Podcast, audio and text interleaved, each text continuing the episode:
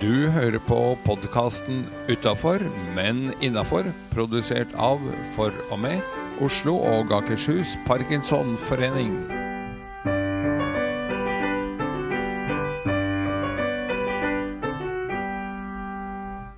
Hei og velkommen til en ny episode av Utafor, men innafor. Jeg heter Seri Linn Erlandsen, og ved min side har jeg Edgar Waldmanis. Hvordan har du det på en eh, skala fra 1 til 10 i dag? Du, I dag er jeg på vei til en eh, åtter. Hva er det som gjør at du eh, er på vei til en åtter? At vi skal spille inn en ny episode av podkasten vår, og vi har en veldig hyggelig gjest denne uken. Og så er jo vi to sammen der sånn. Det løfter alltid humøret. Det løfter humøret. Eh, er det noe annet som kunne ha skjedd, eller du skulle gjort i dag, som hadde løfta deg opp til en åtter, hvis du ikke skulle hit? Ja, det måtte vært uh, ukens treningsøkt med uh, Rocksteady Boxing-gruppen. Ja. Der er vi jo noen og tyve som uh, hver uke trimmer hjemmefra, mens uh, vår fantastiske boksecoach Jonny Carlsen eh, kjører programmet hjemmefra seg på Zoom. Og så er det faktisk noen og tyve som eh, logger på hver tirsdag, hver torsdag eh, og hver søndag ettermiddag, faktisk. Er eh, noen og tyve parkinsonister rundt om i Oslo-området med. Og, Og hvis- kobler seg på og trener knallhardt i to timer. Og det løfter humøret, det òg. For da tenker jeg etterpå at nå har jeg gjort noe som naboen ikke har gjort. Bra. Men hvis lytteren nå kunne tenkt seg å blitt med på det samme, hvor eh, skal den gå? Hvor finner han fram til denne bokseklubben online? Da finner eh, han, hun, hen frem ved å søke opp gruppa Rock Steady Boxing på Facebook. Og der ligger eh, tråden eh, til Jonny. Bra. Og det er altså en Zoom-lenke der. Over til deg. Hva, hvordan er din form i dag på en skala fra 1 til 10? Du våkna opp eh, ganske bra. Eh, dro på løpetur. Jeg er òg litt der at eh, for å få bedre humør, så hjelper det med trening. Eh, skulle innom legen for å få henvisning eh, til en spesialist. Jeg trodde det var det jeg skulle gjøre, men ble da bedt om å ta av meg buksa. Og det hadde jeg ikke planlagt, for da tror jeg jeg kanskje ikke hadde kommet svett. Så akkurat mens jeg lå på benken, så ville jeg vel si at jeg var ganske nede i dypetalen på en treår. Helt selvforskyldt. Ved å ikke undersøke godt nok, gjøre god nok research på hva du må gjøre hos legen for å få en henvisning til spesialist. Så um, da kjente jeg jeg var på en treer, men eh, derfra måtte jeg løpe hjem for å møte deg, og da raskt oppe på en åtter. Så research på forhånd når du skal til legen, eh, stalltips. Ja, det er bra. Men i forhold til dette, nå har vi begge nevnt eh, trening som et løft for å komme seg høyere opp på skalaen eh, på humøret. Og det henger jo litt sammen med forrige ukes utfordrer, eller utfordring, som du eh, vil helst kalle det. Vi klarer ikke å bli Ja. enige. Men eh, eh, for, det, hva var den, Edgar? Det var hverdagstrimmen. For den som ikke er så, i så god form, eller føler seg i så god form at eh, eh, man har lyst til å delta på boksetrening to timer intensivt. Eh, la meg legge til, bare for deg som ikke er kjent med det, at eh, det er veldig mye annet enn boksing. Det er tøyning og det er styrkeøvelser for hele kroppen. Men hvis du altså ikke er der, så er det det vi kaller hverdagstrimmen. Ta trappen istedenfor heisen. Eh, gå til butikken istedenfor bil. Hvis bil, parker litt lenger unna inngangsdøren. Har du vært god på det denne uken, siden du fikk utfordringen å være litt bedre enn forrige uke? Ja, faktisk så er jeg ganske god der òg. Det morsomme er at vi har et barnebarn på tre og et halvt år. Og hun vil alltid eh, ta heisen. Mens jeg, farfar, da, blir eh, henvist til å ta trappen, og så er det jo førstemann opp. Og merkelig nok så vinner alltid hun og heisen, mens jeg kommer to skritt eh, etter, da, opp trappen. Men det betyr at jeg må gå trappen, og, og jeg faktisk gjør det da. Og jeg gjør det ellers også der jeg bor. Det er kjempeflott. Du trenger ikke alltid å være så perfekt at du alltid har gjort det. Nei, men akkurat den er jo faktisk veldig, veldig enkel, da. Uh, og det er jo et tips at uh, hvis du som parkinsonist i dag føler deg litt stiv, så ta trappa én etasje eller to, da. Og så heisen de par siste. Men prøv å ta disse små stegene på hverdagstrimmen. Og så, kanskje en eh, dag, så ser vi deg også på boksetreningen til Rocksteady Boxing. Det tenker jeg òg. Ta noen utfall mens du rører i gryta. Står du og pusser tennene, går ned i knebøy. Det går an å kjøre en hverdagstrim hvor som helst og når som helst. Ja. Da skal vi prøve å få en ukens gjest. Og hvem er det, Edgar? Det er eh, Bjørn Strandvold fra Parkinsonforeningen Oslo Syd. Han er aktiv der. Og Bjørn er en eh, habil pianist, og det er det vi skal få høre mer om når vi ringer ham opp. Det gleder jeg meg til. En skal... veldig spesiell pianist, faktisk, for oss. Skal vi prøve å se om vi klarer å koble han opp her? Ja.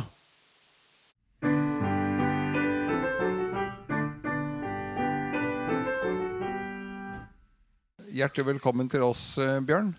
Takk for det.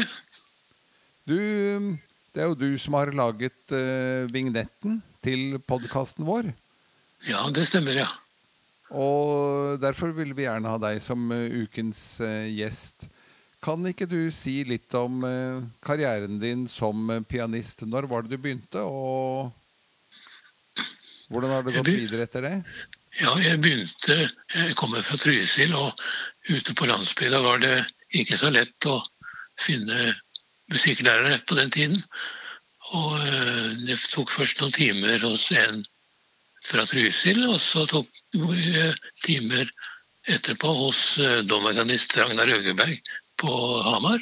Og til slutt var jeg så heldig at jeg kom til Ivar Johnsen i Oslo. Han var jo en kjent pianist og kjent pedagog. Og det er litt morsomt, for han var spesialist på å spille Griegs Amor-konsert. Så han ble ofte kalt Amar-Johnsen, ganske enkelt. Og så studerte jeg på konservatoriet i Oslo. Da tok et par eksamener der. og Etterpå var jeg tre år i Wien på Musikkhøgskolen der, og tok da diplomeksamen der. Så det er uh, den utdanningsmessige bakgrunnen. Og så har jeg hatt en karriere eller som solist, og eh, jeg har akkompagnert veldig mye. Har jobbet som musikklærer på Manglerud videregående skole, og så var jeg akkompagnatør på Musikkhøgskolen til det gikk av i 2012. Men når du sier at du eh, vokste opp i Trysil, og det var langt mellom musikklærerne, hvordan var det du fant musikken sjøl? Er du vokst opp under et flygel, eller hvordan eh? Jeg kan si jeg vokste opp ved siden av piano. Så min far han var organist og karbruker.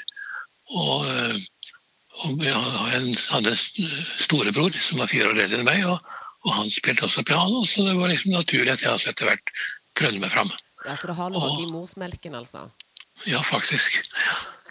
Hvor gammel var du første gang du satte til og spilte, om jeg skal si sånn, for alvor? Ja, det var vel da jeg var eh, sånn 11-12 og begynte hos eh, Ragnar Øgeberg på Hamar. Og, og, så ble det da liksom seriøst for alvor da jeg kom til Ivar Johnsen. Har du noen høydepunkter fra karrieren? Noen sånn eh, spesielle konserter eller øyeblikk, breakthroughs, som du mimrer på nå? Ja. Um, jeg jobbet som sagt på Musikkhøgskolen, så jeg har hatt et par konserter der som jeg satte pris på å få gjennomført. Og ett veldig hyggelig prosjekt, det var nemlig i 1992. Eh, da det, eh, eh, ble jeg 50 år. Og så, da ga jeg en konsert på Musikkhøgskolen med bare latvisk musikk. Fordi jeg har hatt et par latviske kollegaer, og, og fikk da de første notene av ham. Og så og da planlegger jeg å feire 50-årsdagen. Men da, det ble ikke akkurat på dagen, men med et opplegg med bare lattermusikk. Så gøy. Ja da. Hedre Latvia på 50-årsdagen, det er Ja. veldig bra. Ja. Og så ga jeg en konsert i Riga da eh, året etter. Og det var også veldig hyggelig, for da var min eh, latviske venn da for første gang tilbake i Latvia. Han, hadde, han og kona og familien de hadde flyktet fra Latvia da mot slutten av krigen. Og så kom han ikke tilbake til, til Latvia før da i 1993. Så, så, det, det syns jeg var stort. Ja, det hørtes jo fantastisk eh, flott ut. Eh, som en bisetning eh, fra venstre side her, så kan jo jeg legge til at eh, mine foreldre også flyktet fra Latvia på tampen av eh, krigen. Og kom eh, til Norge i 1953, så jeg er født og oppvokst her. Det er en del som sier at du snakker godt norsk, du. Og sier, det er ikke så rart når man er oppvokst på Marienlyst i Oslo, så, så gjør man jo gjerne det. Men så til dere lyttere, Bjørn og jeg har jo truffet hverandre noen ganger opp gjennom årene, for han har også vært fast pianist når vi har feiret Latvias nasjonaldag eh, her i Oslo. Um, og da vi trengte en vignett, og jeg hadde oppdaget at eh, jøss, der sitter jo en annen parkinsonist som jeg kjenner litt fra før, så var jo veien sånn sett kort. Men um, kan du si litt om, eh, om den lille vignetten du har laget til oss, eh, Bjørn? Hvorfor ble den akkurat slik? Det ble sånn for, av Trysil, for, å si det på den måten. For eh, jeg er oppvokst på en gård, og nokså stor stue. Og eh, i den stua, som for øvrig var i den eh, eldste bygningen på gården, da skulle det bli sendt et radioprogram i 1961, da jeg var 18 år. Og det programmet skulle gå direkte. Og da trengte man eh, musikk som kunne liksom overbygge tiden mens man skiftet plass ved mikrofonen. Og da eh, arrangerte jeg en del folkemelodier fra Trysil som jeg da spilte mens eh, folk gikk til og fra mikrofonen. Og, så det var en umiddelbar grunn til at jeg spilte akkurat de stykkene. Og så da Edgar eh, lurte på om jeg kunne lage en vignett i forbindelse med podkasten, så tenkte jeg på da var det greit å ta en av de melodiene, for den eh, kunne lett deles opp og eh, kunne brukes på, med for- forskjellig lengde. Med til innledning, og så med sånn som eh, vignetter mellom, mellom eh, innslagene ellers. Og jeg tenkte på man bør jo ha en litt eh, optimistisk melodi når man eh, driver med i den bransjen som vi gjør, befatter oss med parkinson. Så derfor så fant jeg ut at denne lille handlingen da kunne passe.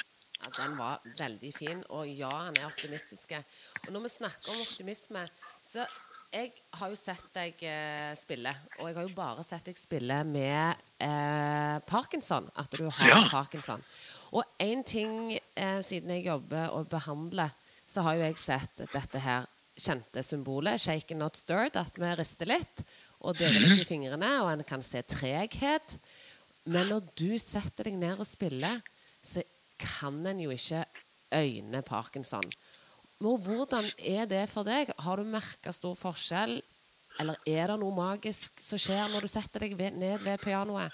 Jeg tror det har bl.a. blant annet med det å gjøre at jeg har vært vant til å øve regelmessig hele livet, og også eh, gjøre skikkelig oppvarming hver dag for å holde spilleapparatet i orden. Og den første tiden etter at, jeg, at det ble konstatert at jeg hadde parkinson, det var i 2007, da uh, syntes jeg det gikk greit. Men så begynte jeg å merke litt eh, at, jeg hadde litt mindre fleksibilitet i eh, hendene. Men eh, så byttet jeg medikament, altså hovedmedikament. Og etter det så jobbet jeg tilbake sånn da oppnådde den fleksibiliteten som jeg hadde hatt før. Så jeg har ikke, ikke merket noen forskjell. Det er jo fantastisk. Men når du sier 'varme opp', hvordan varmer en pianist opp? Ja, da begynner jeg faktisk med noen øvelser, altså med bare med, fingrene. og bevege fingrene og gjøre forskjellige ting der. Det var noen øvelser som jeg lærte av en, av en gymnast under studietiden. Så, så, derfor så tar jeg den oppvarmingen bare med hendene og fingrene før jeg begynner på selve instrumentet. Og, så det tror jeg har hjulpet veldig. Hvor lang tid tar disse øvelsene? Ehm, de, tar, de, de første øvelsene de tar ca. fem minutter. Og så uh, trenger jeg en halv time på å spille gjennom programmet liksom, for å, for å liksom, være i form, være beredt til å sette i gang videre. Så hvis jeg har tid til å spille bare de øvelsene, så, har jeg, så holder jeg på formen fra dag til dag. Men det er veldig viktig å arbeide systematisk. Så, men jeg er glad for at jeg har greid å, å holde på spilleformen sånn som jeg har. Når vi snakker om, eh, Du nevnte optimisme i forhold til valg av vignett. Hvordan, eh, har du vet, noen stalltips til lytterne våre hvordan du klarer å holde optimismen oppe som person, menneske, med og uten parkinson? Ja, jeg tror jeg kan si det sånn at jeg har vært interessert i veldig mye. Og uh, har en ja, positiv innstilling. Og når det gjaldt uh, det med uh, overgangen fra hva skal vi si, normal person til å, til å være Parkinson-person, altså den gikk jo veldig greit. Fordi jeg merket at min far hadde visse ting som eh, liksom eh, Hva skal jeg si Som eh, kunne legges merke til. For han fikk nemlig parkinson da han var over 80 år. Og det så på ham visse hva skal jeg si, følger av, av sykdommen. Og så begynte jeg å merke noen hva skal vi si, ting selv. At, at jeg hadde noen av de samme reaksjonene som han hadde. Så Derfor så var jeg egentlig ikke overrasket over, å, over, at det ble konstatert at jeg hadde parkinson. Og så jeg var mentalt forberedt og tenkte at uh, jeg må bare gjøre det beste ut av situasjonen. Og, og um, når det gjelder dette med øvelser, det, jeg drev mye med øvelser ellers også. Så jeg har drevet med daglig gymnastikk og øvelser fra jeg ble 60 år, altså 2002. Og, og det har jo hjulpet veldig til å holde fysikken i orden.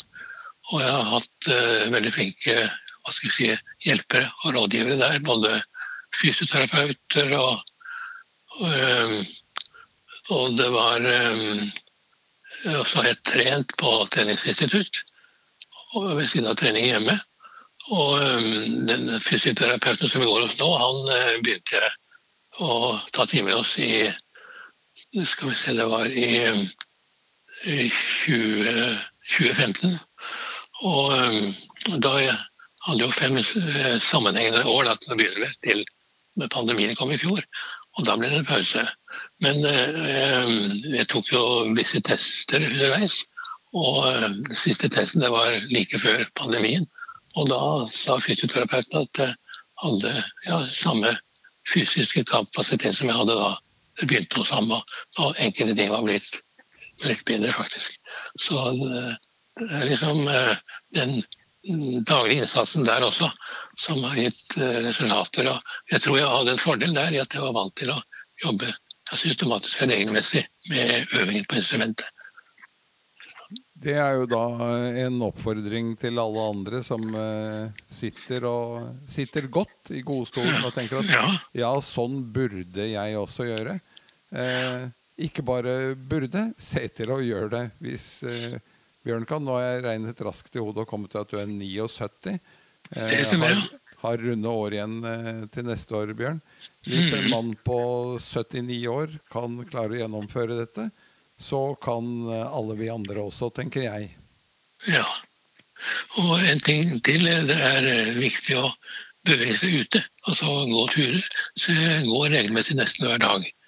Og som, eh, for å sitere en som jeg hørte om, han ble spurt om går du like fort som før. Eller går du saktere pga. sykdommen. Og så sa han jeg går like fort som før, det bare tar litt lengre tid. Fantastisk. Det er fantastisk holdning å ha, det må jeg si.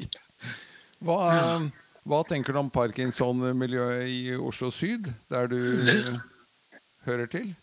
Ja, det syns jeg er veldig bra. Altså, jeg meldte meg inn i foreningen i, i 2014. Og da fikk jeg beskjed fra Parkinsonforeningen sentralt at jeg eh, kom til å høre til avdelingen Oslo syd.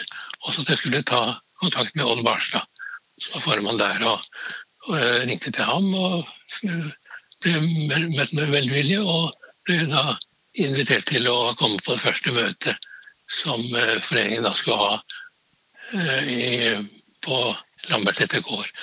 Og da jeg kom dit, så ble jeg også straks introdusert for en ja, for iallfall for medlemmene av styret i Parkinsonforeningen, og følte meg veldig fort inkludert. Og um, det samme har jeg merket senere, at um, når det gjelder nye medlemmer, at, at uh, alle, altså f.eks. i styret, da, uh, går veldig inn for å prøve å få nye medlemmer til å føle seg inkludert. Det, og som sagt, det merket jeg jo selv da, da jeg kom inn i foreningen. Jeg har jo jeg har lyst å nevne en ting, for jeg kjenner jo Bjørn litt fra før. Og har, det er noe med dette her med at eh, når vi går tur i marka eller er på ski, så har vi en tendens til å kunne si hei og hilse og kanskje slå av en drøs med noen mennesker. Men så du, Bjørn, hver gang jeg har møtt deg, så har du snakket med noen på T-banen eller på stoppet eller på butikken. Du har en utrolig fin måte å komme i kontakt med mennesker på. Hva er, som, hva er oppskriften, og hva gir det deg? Jeg tror det ja, jeg tror det er at jeg er glad i mennesker. Og, og uh, ser så mange uh, mennesker som liksom har ja, er kontaktløse, for å si det på den måten, som ikke tør å ta initiativ når det gjelder kontakt vil jeg si, på offentlige steder.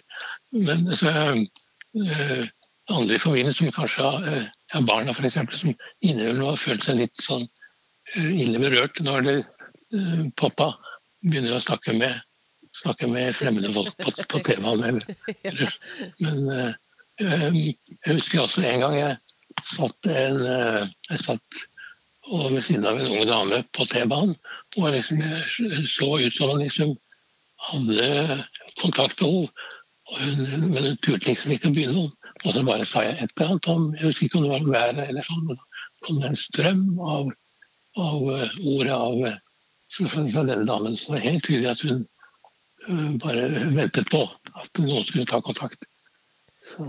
Så oppfordringen er, for du har inspirert meg til å bli bedre på det, og jeg tenker det er masse mennesker som bare blir, føler seg sett ved at vi begynner å si litt mer hei, og det er en mm. begynnelse ja. til å bli sett og se andre som jeg tror gjør en forskjell, som gjør en forskjell.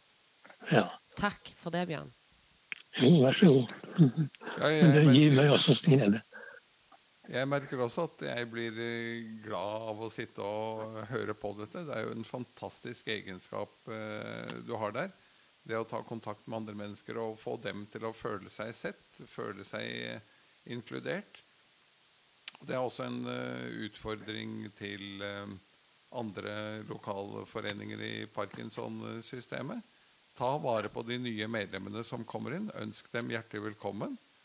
Eh, og få dem til å føle seg inkludert og, og med. Da tror jeg det blir lettere å få nye styremedlemmer også til å ta plass. Ja. Det er en liten ting eh, generelt når det gjelder dette med kontakt.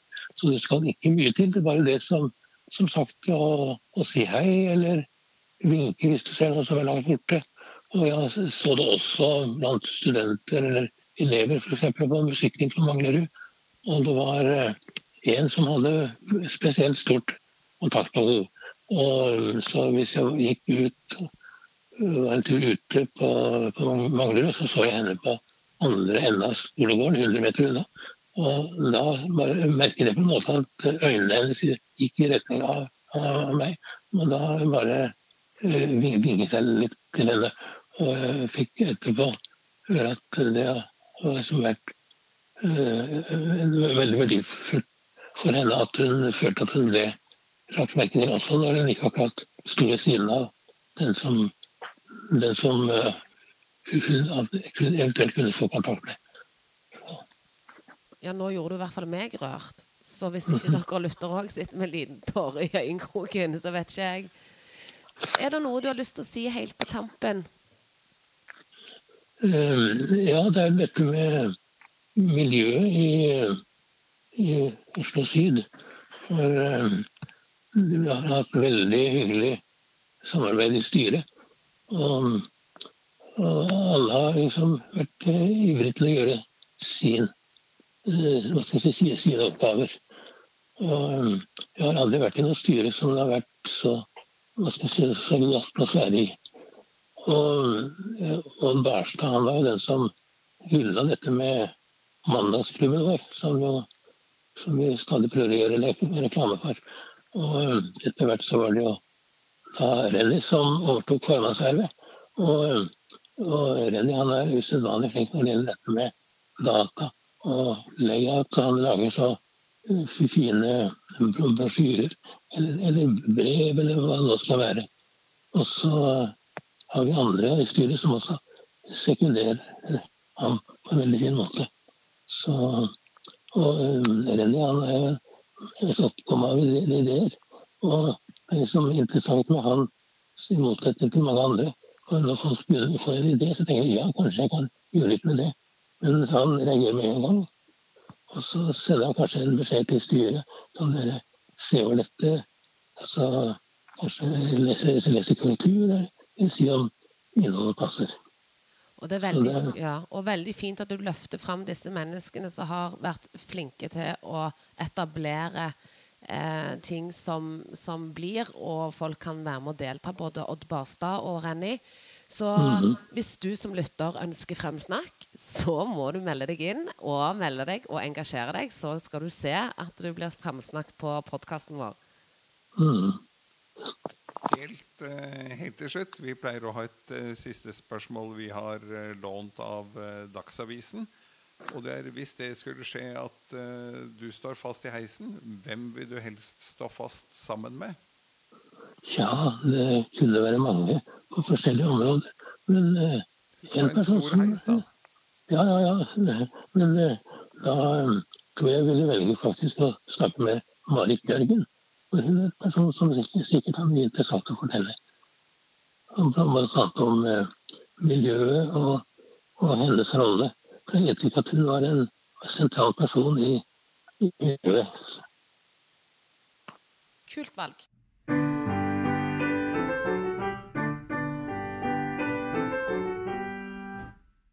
Da er vi over til spalten kunngjøringer. Og har vi noe der, Edgar? Vi har ikke så mye helt konkret akkurat nå, men jeg oppfordrer alle til å bruke nettsidene parkinson.no aktivt. Jeg er sikker på at alle som eh, lytter, kan bli mer aktive på hjemmesidene enn det de er eh, per i dag. Der ligger det utrolig mye godt stoff. Og ikke minst så ligger det under Det er et par klikk da for å komme til din lokalforening.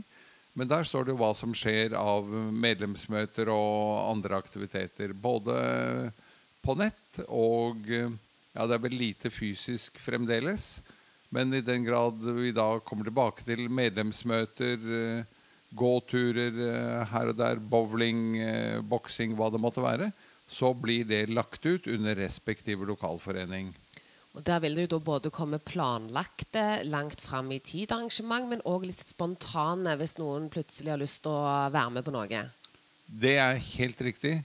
både de langsiktige og de kortsiktige som kanskje skjer uh, allerede i overmorgen. Så bruk uh, nettsidene aktivt. Og ikke minst så finner en vel generell informasjon med forskning og med uh, nye ting som dukker opp, som blir lagt ut. Det er også helt riktig. Det er intervju med forskere der sånn. Eh, siste nytt eh, av hva som skjer. Eh, ikke minst så kan man klikke seg tilbake et par hakk.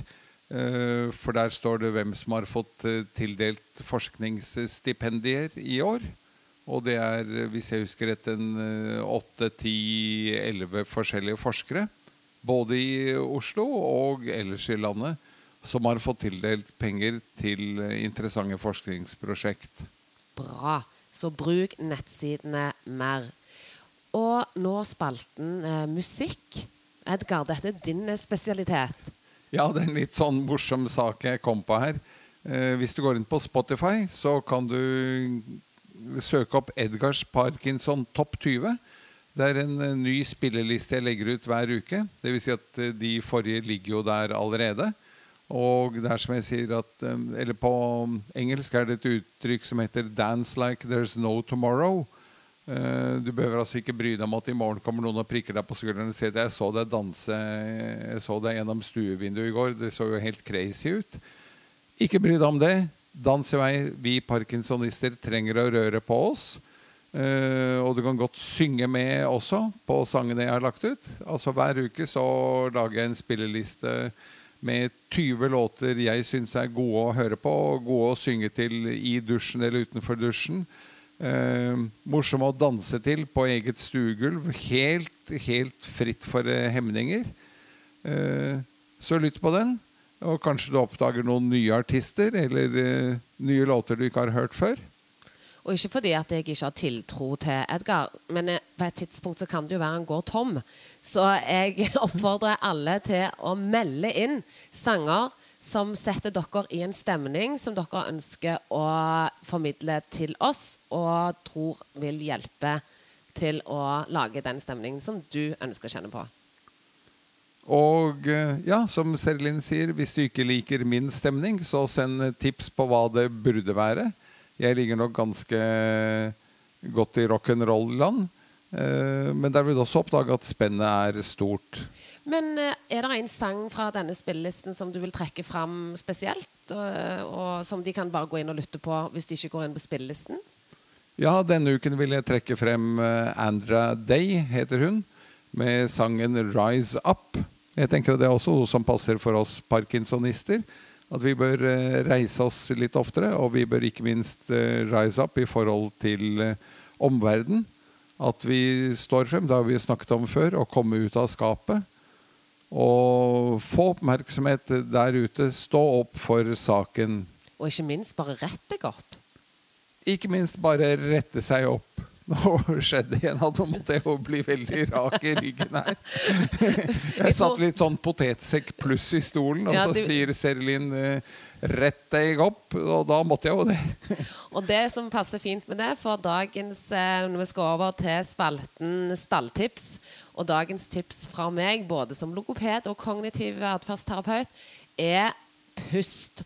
Og for å kunne puste bra så må vi ned og fylle opp lungene våre. Vi må ned i noe som heter abdonormal pust. Vi må ned i magen vår.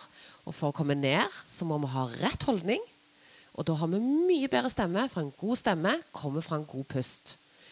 Og alle i dag har noe vi kaller for høy kostal pust. Vi puster bare ned til brystet, og så snakker vi da på en anstrengt stemme hvor vi finner kraften fra halsmuskulatur og brystmuskulatur. Og da har vi en tendens til å kunne bli strammere. Vi får ikke den kraften nedenifra som en vulkan. Jo dypere ned du går, jo mer kommer opp på toppen. Og en annen ting med pust er at det nullstiller det autonome nervesystemet. Hvis du tar tre dype innpust med kontroll, puster gjerne inn på fire gjennom nesen. Ut på en S. Med full kontroll tre sånne, så nullstiller du nervesystemet, det autonome. Og på den måten, hvis du står i en posisjon der du tripper foran et teppe, stresser med å få knappet opp buksa fordi du begynner å stresse, istedenfor å stå i det og kjenne på panikken, pust, nullstill og begynn på ny. Veldig virkningsfullt for meg, for Edgar og for deg som lytter, med og uten parkinson. Bruk pusten mer. Gå gjerne inn hvis du vil lære mer om det. Bli med på logopedtreninger. Eller YouTube pust. Bli kjent med pusten din. Og på den måten så vil du få en bedre helse og en bedre stemme.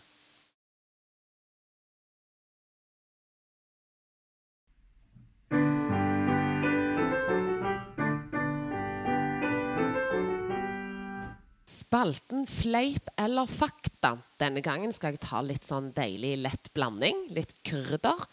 Og Edgar, det er jeg som skal utfordre deg. Fleip eller fakta. Årlig markeres Parkinson-dagen til minne om doktor Parkinson. Fleip eller fakta? Det er eh, fakta. Eh, og det som jeg syns er litt pussig, er at vi markerer eh, fødselsdagen hans. Mens vi burde jo kanskje markere den dagen han første gang stilte diagnosen på en pasient. Det er mye mer interessant når han ble født. Ja, det er hyggelig at han ble født, og at han da eh, studerte til lege og, og eh, ga denne litt ekle diagnosen et navn. Men det er fakta. Helt riktig. Det begynner godt her i dag. Ja. Det må jeg si. Blir muskler blir om til fett om du slutter å trene? Fleip eller fakta? Det tror jeg også er fakta. Fleip. Fordi muskelceller og fettceller er to helt forskjellige celletyper. Se man det? Og det er litt rart, for alltid, det er jo det som alltid blir sagt hvis du ikke trener, så blir det fett. Ja. Så, men, Da blir du tjukk. Da blir du tjukk. Men så bra at jeg klarer å ta deg av og til. så jeg er fornøyd. det er ikke så ofte. Du kan se den kinesiske mur fra verdensrommet. Fleip eller fakta? Det må være fleip, for så stor eh, er den ikke. Og vi vet jo fra disse bildene som er tatt fra romfartøyer, som viser eh, solen som står opp over jordkloden og, og belyser et eller annet, så ser vi ikke spesielt mange detaljer. Så det må være fleip. Helt riktig. Men jeg tror at jeg ville svart før jeg leste det motsatt, for jeg har hørt det så mange ganger. Ja. Jeg har fått feilinformasjon. Og aldri googla om det er riktig eller ei. så du er, der er du bedre enn meg. Jeg tar en litt sånn bonustrekk her. Er det greit? Okay. ja, jeg, jeg hadde bare lyst til å stille den òg. Ingen papirbit kan bli brettet mer enn syv ganger. Fleip eller fakta? Eh, Det er fleip, for det tror jeg faktisk at du kan brette eh, ni timer. Men, men det er overraskende få, ja. Man skulle tro at bare arket er stort nok, så kan man brette det uhorvelig mange ganger. Men det er noe med at eh, det stopper seg selv. Ja, så Resonnementet ditt er veldig bra. Så trekker du deg fra ni og går for fakta, eller er du eh, på fleip? Jeg, du sa at ingen papirbit kan brettes mer enn Syv ganger? Og jeg tror at den kan brettes uh, åtte eller ni. Så jeg ser at det er fleip. Det er fakta. Det er syv. Så resonnementet ditt var, var riktig. du hadde bare lyst til å trosse. Ja. Men veldig bra. To av to. Hvis To av fire. To av fire. Hvis jeg, bra, se der. Fleip eller fakta? To av to. Kjempebra. Da skal vi over til Vi er på siste spalte, Edgar. Dette går fort. Og jeg håper de lytterne koser seg like godt som vi gjør. Ja. Men vi skal ha utfordreren. Eller utfordringen. ja, og hva er ukens utfordring? Det er Jeg ble så inspirert av Bjørn, jeg. At jeg har lyst at vi alle skal bli litt sånn som når vi går tur i skogen eller er på fjellet, fra, om det er vinter som sommer. Når vi er flinke til å si hei til hverandre. Så istedenfor at eh, heisturen din skal bli pinlig, for du ser ned i gulvet, så skal du løfte blikket og begynne å si mer hei. Når du går på gaten, si mer hei. Lat som du er i naturen. For hva er forskjellen? Er det liksom ring 3? Utenfor ring 3 kan vi si hei, og innenfor kan vi ikke. Skal vi liksom bryte de ringene og bare si mer hei? Det er lov å ikke si hei til alle, men prøv å si hei en gang mer til dagen enn du ellers ville gjort. Det er et menneske du passerer. Det syns jeg hørtes ut som en fantastisk eh, utfordring. Og kan eh, Bjørn, så kan vi. Så neste gang så skal jeg høre hvor mange har du sagt hei til, Edgar? Og eh, var det en forskjell på å være en mann som nå sier hei? Du har eh, hørt på podkasten Utafor, men innafor, produsert av For og med Oslo og Akershus Parkinsonforening. Vi håper du har hygget deg, og ønsker deg hjertelig på gjenhør i nye sendinger.